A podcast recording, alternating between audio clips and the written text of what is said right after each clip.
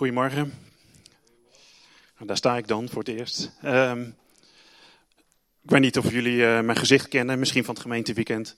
Ehm, we komen hier eh, een jaar of zes inmiddels in de gemeente. Um, Christian en ik zijn eh, ook zes jaar getrouwd. Dus sinds ons trouwen komen we hier ongeveer met onze kinderen. die jullie vast wel eens voorbij rennen hier. nummer drie is onderweg. Dus we zitten in een mooie tijd. Ehm, en uh, ja, het gemeenteweekend is, uh, is klaar, dus ik viel in een zwart gat, zullen we maar zeggen. En uh, toen had ik het met Bram over nieuwe uitdagingen. En van het een kwam het ander en vandaag sta ik hier. Um, ja, om uit te proberen hoe het is om te spreken.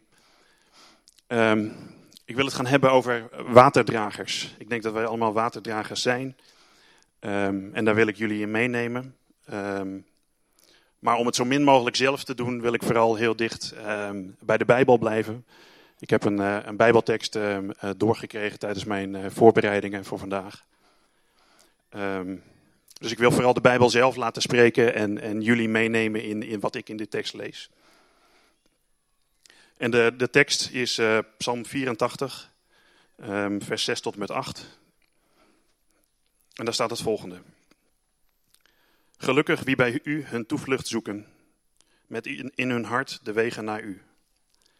Trekken zij door een dal van dorheid, het verandert voor hen in een oase. Rijke zegen daalt als regen neer. Steeds krachtiger gaan zij voort om in Sion voor God te verschijnen. Ik weet niet wat voor um, gevoel de tekst bij jullie uh, oproept. Um, ik heb op de achtergrond een plaatje over uh, dorheid, um, geprojecteerd. Dat is misschien ook hoe jullie achtertuin eruit ziet uh, deze dagen. Um, maar misschien uh, ben je in, in nog dordere plaatsen geweest, uh, woestijn of iets dergelijks. Um, ik ben er zelf wel een keer geweest. Als je de foto wil laten zien op de volgende slide, Mark. Dit is uh, Saint in Mongolië. Daar was ik in, in 2008, samen met Ronald van Hout trouwens. Het was een project voor Athletes in Action. Uh, in 2008 was de focus van Athletes in Action op uh, uh, Peking en, China. Vanwege de Olympische Spelen die daar waren. En ons team kwam net buiten China terecht. net over de grens met Mongolië. Aan de rand van de Gobi-woestijn. daar zat een, een, basis van jeugd met een opdracht. En wij gingen daar sporten. in deze context gingen we sporten. Uh, het was er lekker warm, het was er uh, super droog, super stoffig. En uh, ja, het voetbalveld was dus ook geen net gemaaid grasveld wat nog even gesproeid was voor we aan de slag gingen. Dat was gewoon alleen maar stof, een beetje zand, een beetje stenen. En ja, daar deden we ons ding. En als je dan aan het eind van zo'n dag sporten klaar bent, dan ben je natuurlijk helemaal bezweet en stoffig. En dan ja, heb je zin in water. Drinkwater hadden we gelukkig, dat konden we kopen in flessen. Uh, het is niet verstandig om uit de kraan te drinken in Mongolië, als hij er al was. Um, en vooral dat laatste uh, was een probleem, want op de basis was geen kraan, geen stromend water. We moesten het daar doen met een emmertje. Um, dus uh, even lekker een frisse douche om op te frissen van al die, die droogte en dat stof. daar was er niet bij. Dus het was maar goed dat we een mannenteam waren. Dan hoefden we ons niet zo druk te maken over hoe we eruit zagen en hoe we roken. Maar ik weet nog goed, uh, na een paar dagen heel warm weer, um, werden we midden in de nacht wakker. Want er kwam een enorme onweersbui over het stadje. Um, het was echt helemaal pikzwart en de, de bliksem uh, sloeg in aan de overkant van de straat, in de brandweerkazerne. En in één keer was dat hele stadje zonder licht, uh, elektriciteit viel uit. En uh, uh, toen het onweer voorbij trok, begon het te regenen. Echt zo'n lekkere zomerbui. Met van die hele dikke regendruppels. En dat was, uh, ja, dat was super. Maar wij hadden al een week niet gedoucht, denk ik. En ehm, dus wij midden in de nacht met z'n allen renden we naar buiten. En we hebben daar lopen dansen en juichen in de regen. Dat kan je bijna niet voorstellen in Nederland. maar misschien deze dagen een klein beetje meer. En dat is het gevoel van deze psalm. Het gaat over, uh, over droogte, over dorheid. En, en uh, als we daar doorheen trekken als christenen, dan, uh, dan verandert die doorheid in, uh, in een oase. Dus daar wil ik jullie in meenemen. Dus als we uh, weer teruggaan naar de tekst. Misschien even goed om de, de context van Psalm 84 te schetsen. ik denk dat het op zich een bekende psalm is. Over de mus en de zwaluw die een plek vinden in Gods huis. Maar vers 3 staat: ehm, Van verlangen smacht mijn ziel naar de voorhoven van de Heer. Mijn hart en mijn lijf roepen om de levende God. Dat, is, dat is waar de psalm over gaat. De dichter zit thuis. Um, hij trekt niet mee met het volk um, uh, op weg naar Jeruzalem. Om daar de tempel te bezoeken en, en met het volk mee de dienst te vieren. En hij mist dat. En hij, hij verlangt daarnaar. Dat hij daar weer kan zijn. Dat hij weer bij God kan zijn. Um, en, dat, en dan komt vers 6, um, waar staat gelukkig wie bij u hun toevlucht zoeken. Dus daar gaat het over, het verlangen om bij God te zijn, over, om, om dicht bij God te zijn. En, en wat ik mooi vond, ik heb de statenvertaling erbij gepakt. Ik heb zo'n mooie driedelige statenvertaling met uh, kanttekeningen van mijn opa en oma geërfd. Um, en wat daar staat is net iets anders dan, dan het woord toevlucht. Daar staat, um, wel gelukzalig is de mens wiens sterkte in u is. En ik vind dat zelf iets mooier dan het woord toevlucht. Want toevlucht klinkt een beetje alsof je, alsof je wegvlucht uit de wereld en, en gaat schuilen bij God. En soms is dat goed, soms is dat nodig. Uh, en dat mag dan ook. Maar voor mij gaan deze versen van Psalm 84 niet over wegvluchten, maar over uh, in je kracht gaan staan. Um, dat je uh, op de rots gaat staan. God is je fundament, God is je sterkte. En vanuit die kracht die je daarvan krijgt, uh, trek je de wereld juist weer in. En dan gaat het over um, de wegen naar God in je hart hebben. En ook daar vind ik de Statenvertaling net iets mooier. Daar staat het woord uh, gebaande wegen. Daar heb ik een heel mooi plaatje van opgezocht. Dit zijn gebaande wegen. Wegen waar je heel vaak overheen loopt, zodat het spoor uitslijt. En, en um, ja, als wij als christenen uh, de wereld intrekken, dan is het heel erg van belang dat we beginnen bij God. Dat we Hem kennen, dat Hij onze toevlucht en onze sterkte is. En dat we uh, ja, dat lijntje met God open hebben. Dat dat een gebaande weg is. Dat we die met onze ogen dicht nog kunnen lopen. Dus daar begint um, het uitstappen in de wereld. Het brengen van water op plekken waar het droog is, begint bij zoeken naar God en, en Hem kennen. En weten dat je zijn kind bent. En dat is dus uh, aan de ene kant is kind zijn van God. Dat je bij God mag schuilen en dat je altijd bij Hem terecht kunt. En aan de andere kant is dat ook iets van um, autoriteit. Je bent een zoon van God en je hebt, uh, je hebt bepaalde rechten gekregen. Je hebt die opstandingskracht van Jezus, daar mag jij ook over beschikken. Vanuit die kracht kun je de wereld in.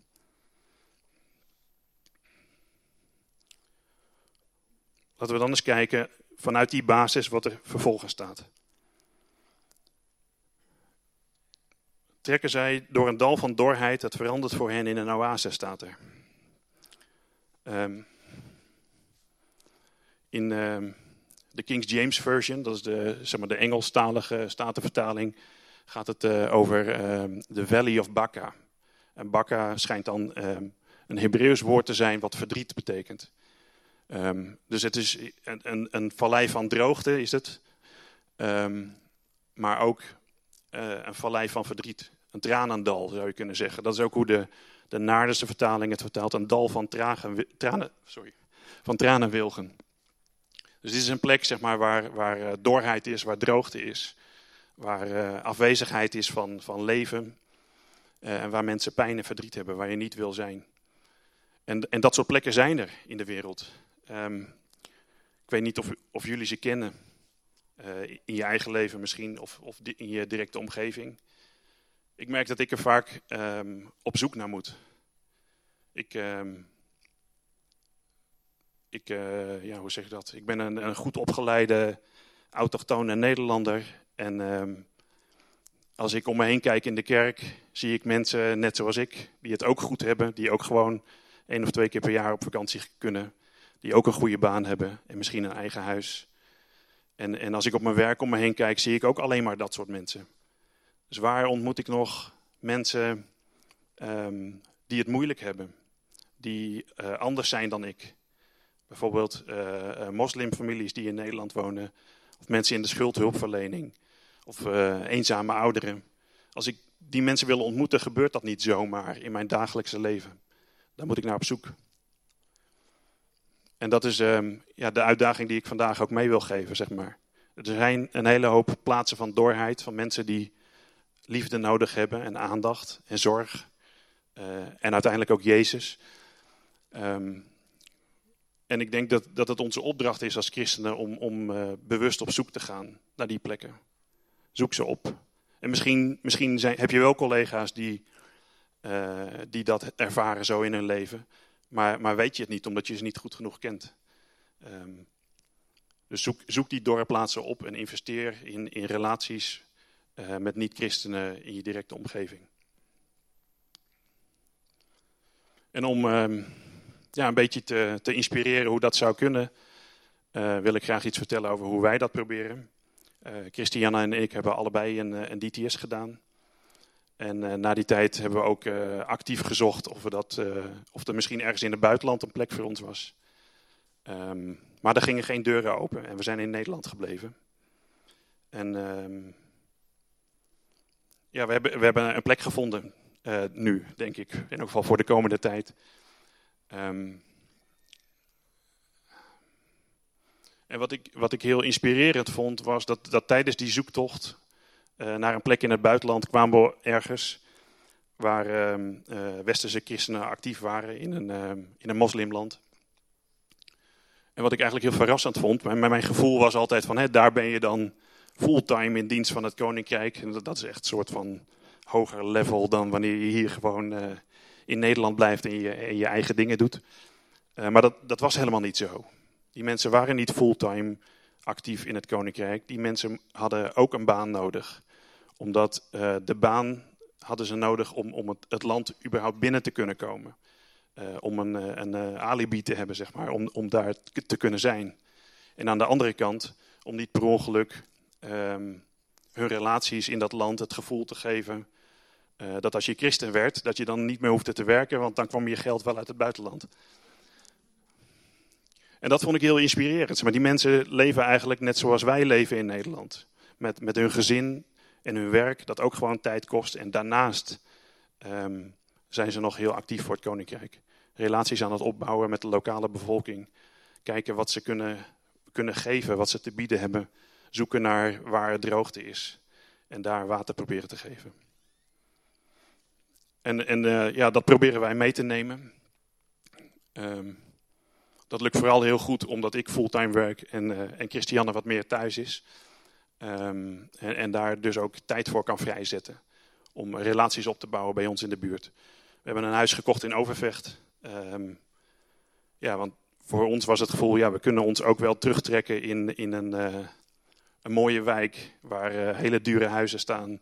Uh, waar allemaal twee verdieners om je heen wonen. En niet dat daar geen droogte is. Maar wij hebben erover nagedacht om, om de droogte bewust op te zoeken in, in Utrecht-Overvecht. En we zien uh, ja, eigenlijk hele mooie dingen gebeuren. Eerst uh, door andere mensen.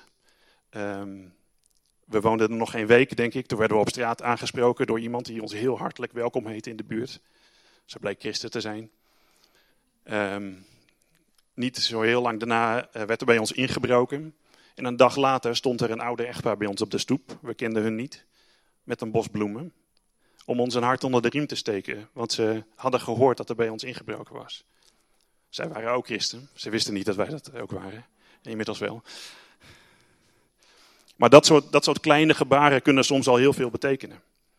Um, en, en, en, langzamerhand proberen we dat verder uit te bouwen. Uh, Christiane heeft een, uh, een, gebedsgroep in de wijk met een aantal uh, christelijke vrouwen.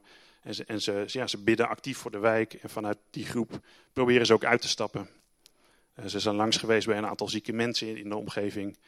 Uh, met, ook met bloemen en aandacht. En dat werd heel erg gewaardeerd. En, en van het een komt dan het ander. Uiteindelijk heeft Christiane bijvoorbeeld kunnen bidden met een, uh, een vrouw die op sterven lag. En op haar, op haar sterfbed heeft ze nog met haar kunnen bidden. En het met haar over God kunnen hebben. En uh, ja, zo gebeuren er langzamerhand uh, ja, dingen voor het koninkrijk. En ehm, ja, soms blijft het echt alleen bij het geven van aandacht, bij het geven van tijd, bij het uitdelen van een pannetje eten of ehm, het opvangen van iemands kinderen die even tijd voor zichzelf nodig heeft. Ehm, maar, maar ja, langzamerhand zie je dat die relaties zich uitbouwen. En dat het ook lukt om, om bijvoorbeeld uh, relaties met moslimfamilies in de wijk op te bouwen. Uh, via de school van Elise en de speeltuin. En ik zie echt zo stap voor stap mooie dingen gebeuren. En dat is eigenlijk wat er in deze tekst staat, denk ik. Wij stappen uit, we stappen de doorheid in. Um, we betreden de droge plaatsen waar mensen het moeilijk hebben. En, en daar ontstaat vanzelf eigenlijk uh, een oase. Als je de volgende slide uh, wil doen. In de, opnieuw terug naar de andere vertalingen. De NBG en de Statenvertaling. Daar staat het juist iets actiever. Wij als christenen kunnen het maken tot een oord van bronnen. En, en uh, het stellen tot een fontein. Dat is wat er staat. Um, dat, het voor je, dat het automatisch verandert in een oase is iets passiever. Maar ik denk dat wij ook echt actief mogen zijn. Dat we samen actief met God aan de slag mogen. Um, om, om water te brengen op plekken waar dat nodig is. En uiteindelijk kun je natuurlijk ook niet zelf. In alle vertalingen staat er, uh, gaat het over uh, de regen die als zegen valt. Nou, regen valt van boven. Dus dat kan maar van één plek uh, komen, zullen we maar zeggen. Um, en, en, regen is vaak een, een, beeld voor de Heilige Geest.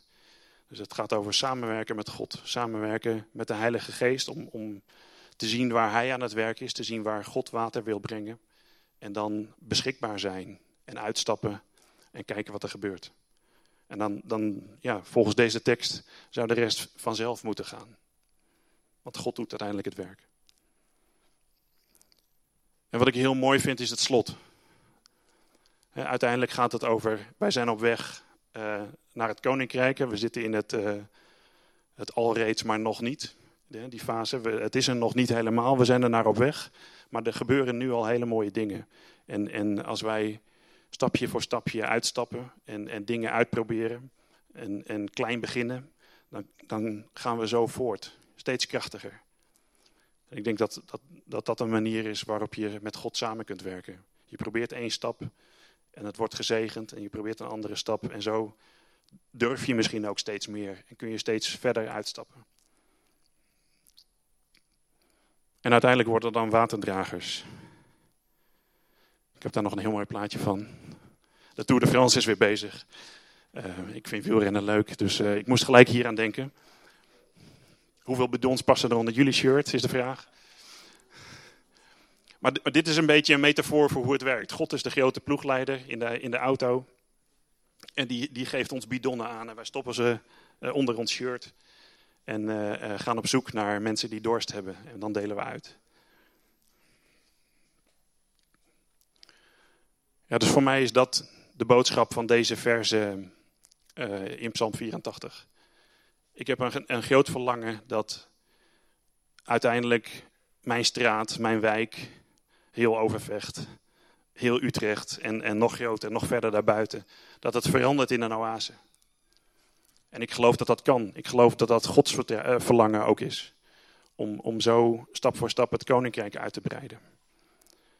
En uh, ja, Psalm 84 inspireert me dan om het in de eerste plaats steeds bij God te zoeken. Om dat, gebaande pad van mij naar Hem open te houden. En vanuit Zijn kracht uit te stappen. Op zoek te gaan naar droge plekken. Uh, actief op zoek. Zoekend samen met de Heilige Geest. Heer, wat, wat ziet u als droge plekken? Waar kan ik uitstappen? Waar kan ik naartoe gaan? En wat kan ik daar doen? En in overleg met God, samen met God, water uitdelen. En ik hoop dat jullie dat uh, verlangen ook hebben. Dat jullie met mij uit willen stappen.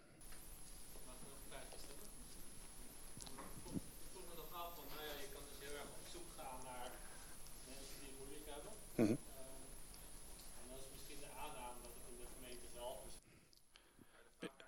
Ik, ik kan de vraag herhalen. De vraag is, uh, wat als er, als er mensen in de gemeente zitten die uh, het droogte ervaren voor zichzelf, of die, die het moeilijk hebben en, en misschien over het hoofd gezien worden? Um, ja, ik denk dat je daar een preek op zich over zou kunnen houden. Uh, ik, in mijn preek probeer ik vooral te focussen op ehm, het uitstappen naar, buiten de muren van de kerk. Maar datzelfde principe kun je denk ik toepassen op ehm, binnen de kerk. Dus dat je daar je ogen in elk geval voor open hebt. Ehm, dat je ziet wie het moeilijk heeft en, en er voor elkaar probeert te zijn. Nou, misschien mag ik heel even aanvullen. Ik denk dat we binnen, binnen deze gemeente een, een, netwerk voor elkaar vormen. Waarin relaties er zijn, zeg maar. Uh, en als die er niet zijn, dan hoop ik dat we die met elkaar ook uh, aan willen gaan. En hè, de, het verband van de huisgroepen, eh, daar word je natuurlijk gekend. En daar kunnen, kunnen we ook voor elkaar zorgen. Hè. Dus, dus waar jij in, in ons midden, zeg maar, dat soort dingen ziet, plekken van droogte, dan kunnen we er ook voor elkaar zijn, kunnen we voor elkaar bidden.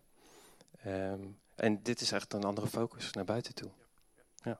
Hoop voor de wereld, nieuwe visie. Zijn er nog meer vragen?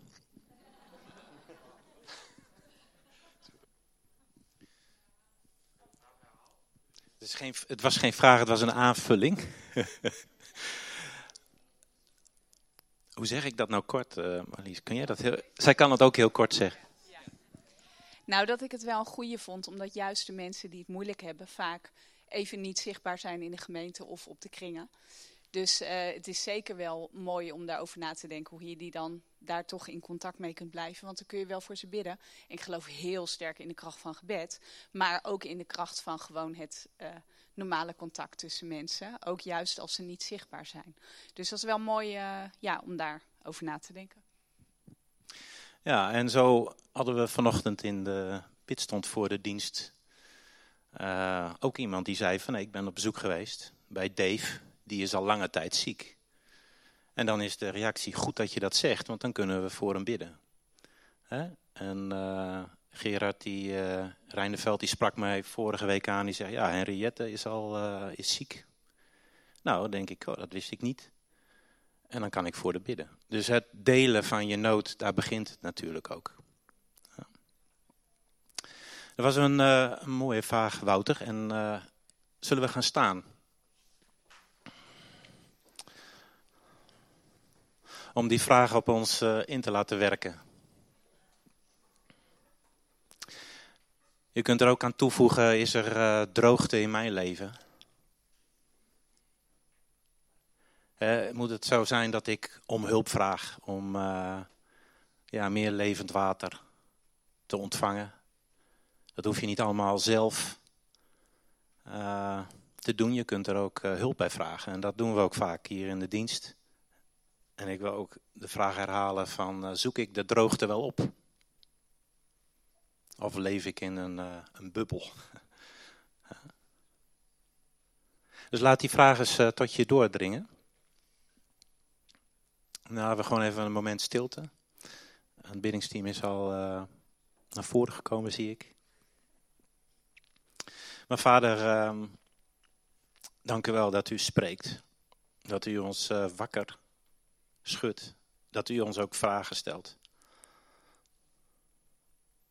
En Heer, wij willen zo voor ons staan en uh, ja zeggen tegen u. Wat wilt u zeggen tegen mij?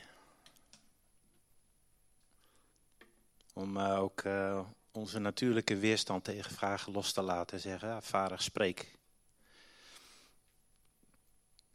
Wat hebt u voor mij? Heeft u voor mij levend water? Of zijn er uh, kansen die ik nog niet zie, maar wilt u dan mijn ogen openen voor dorheid in mijn omgeving? Dus we staan hier, vader, gewoon om te ontvangen en uh, bedien aan ons. In Jezus' naam.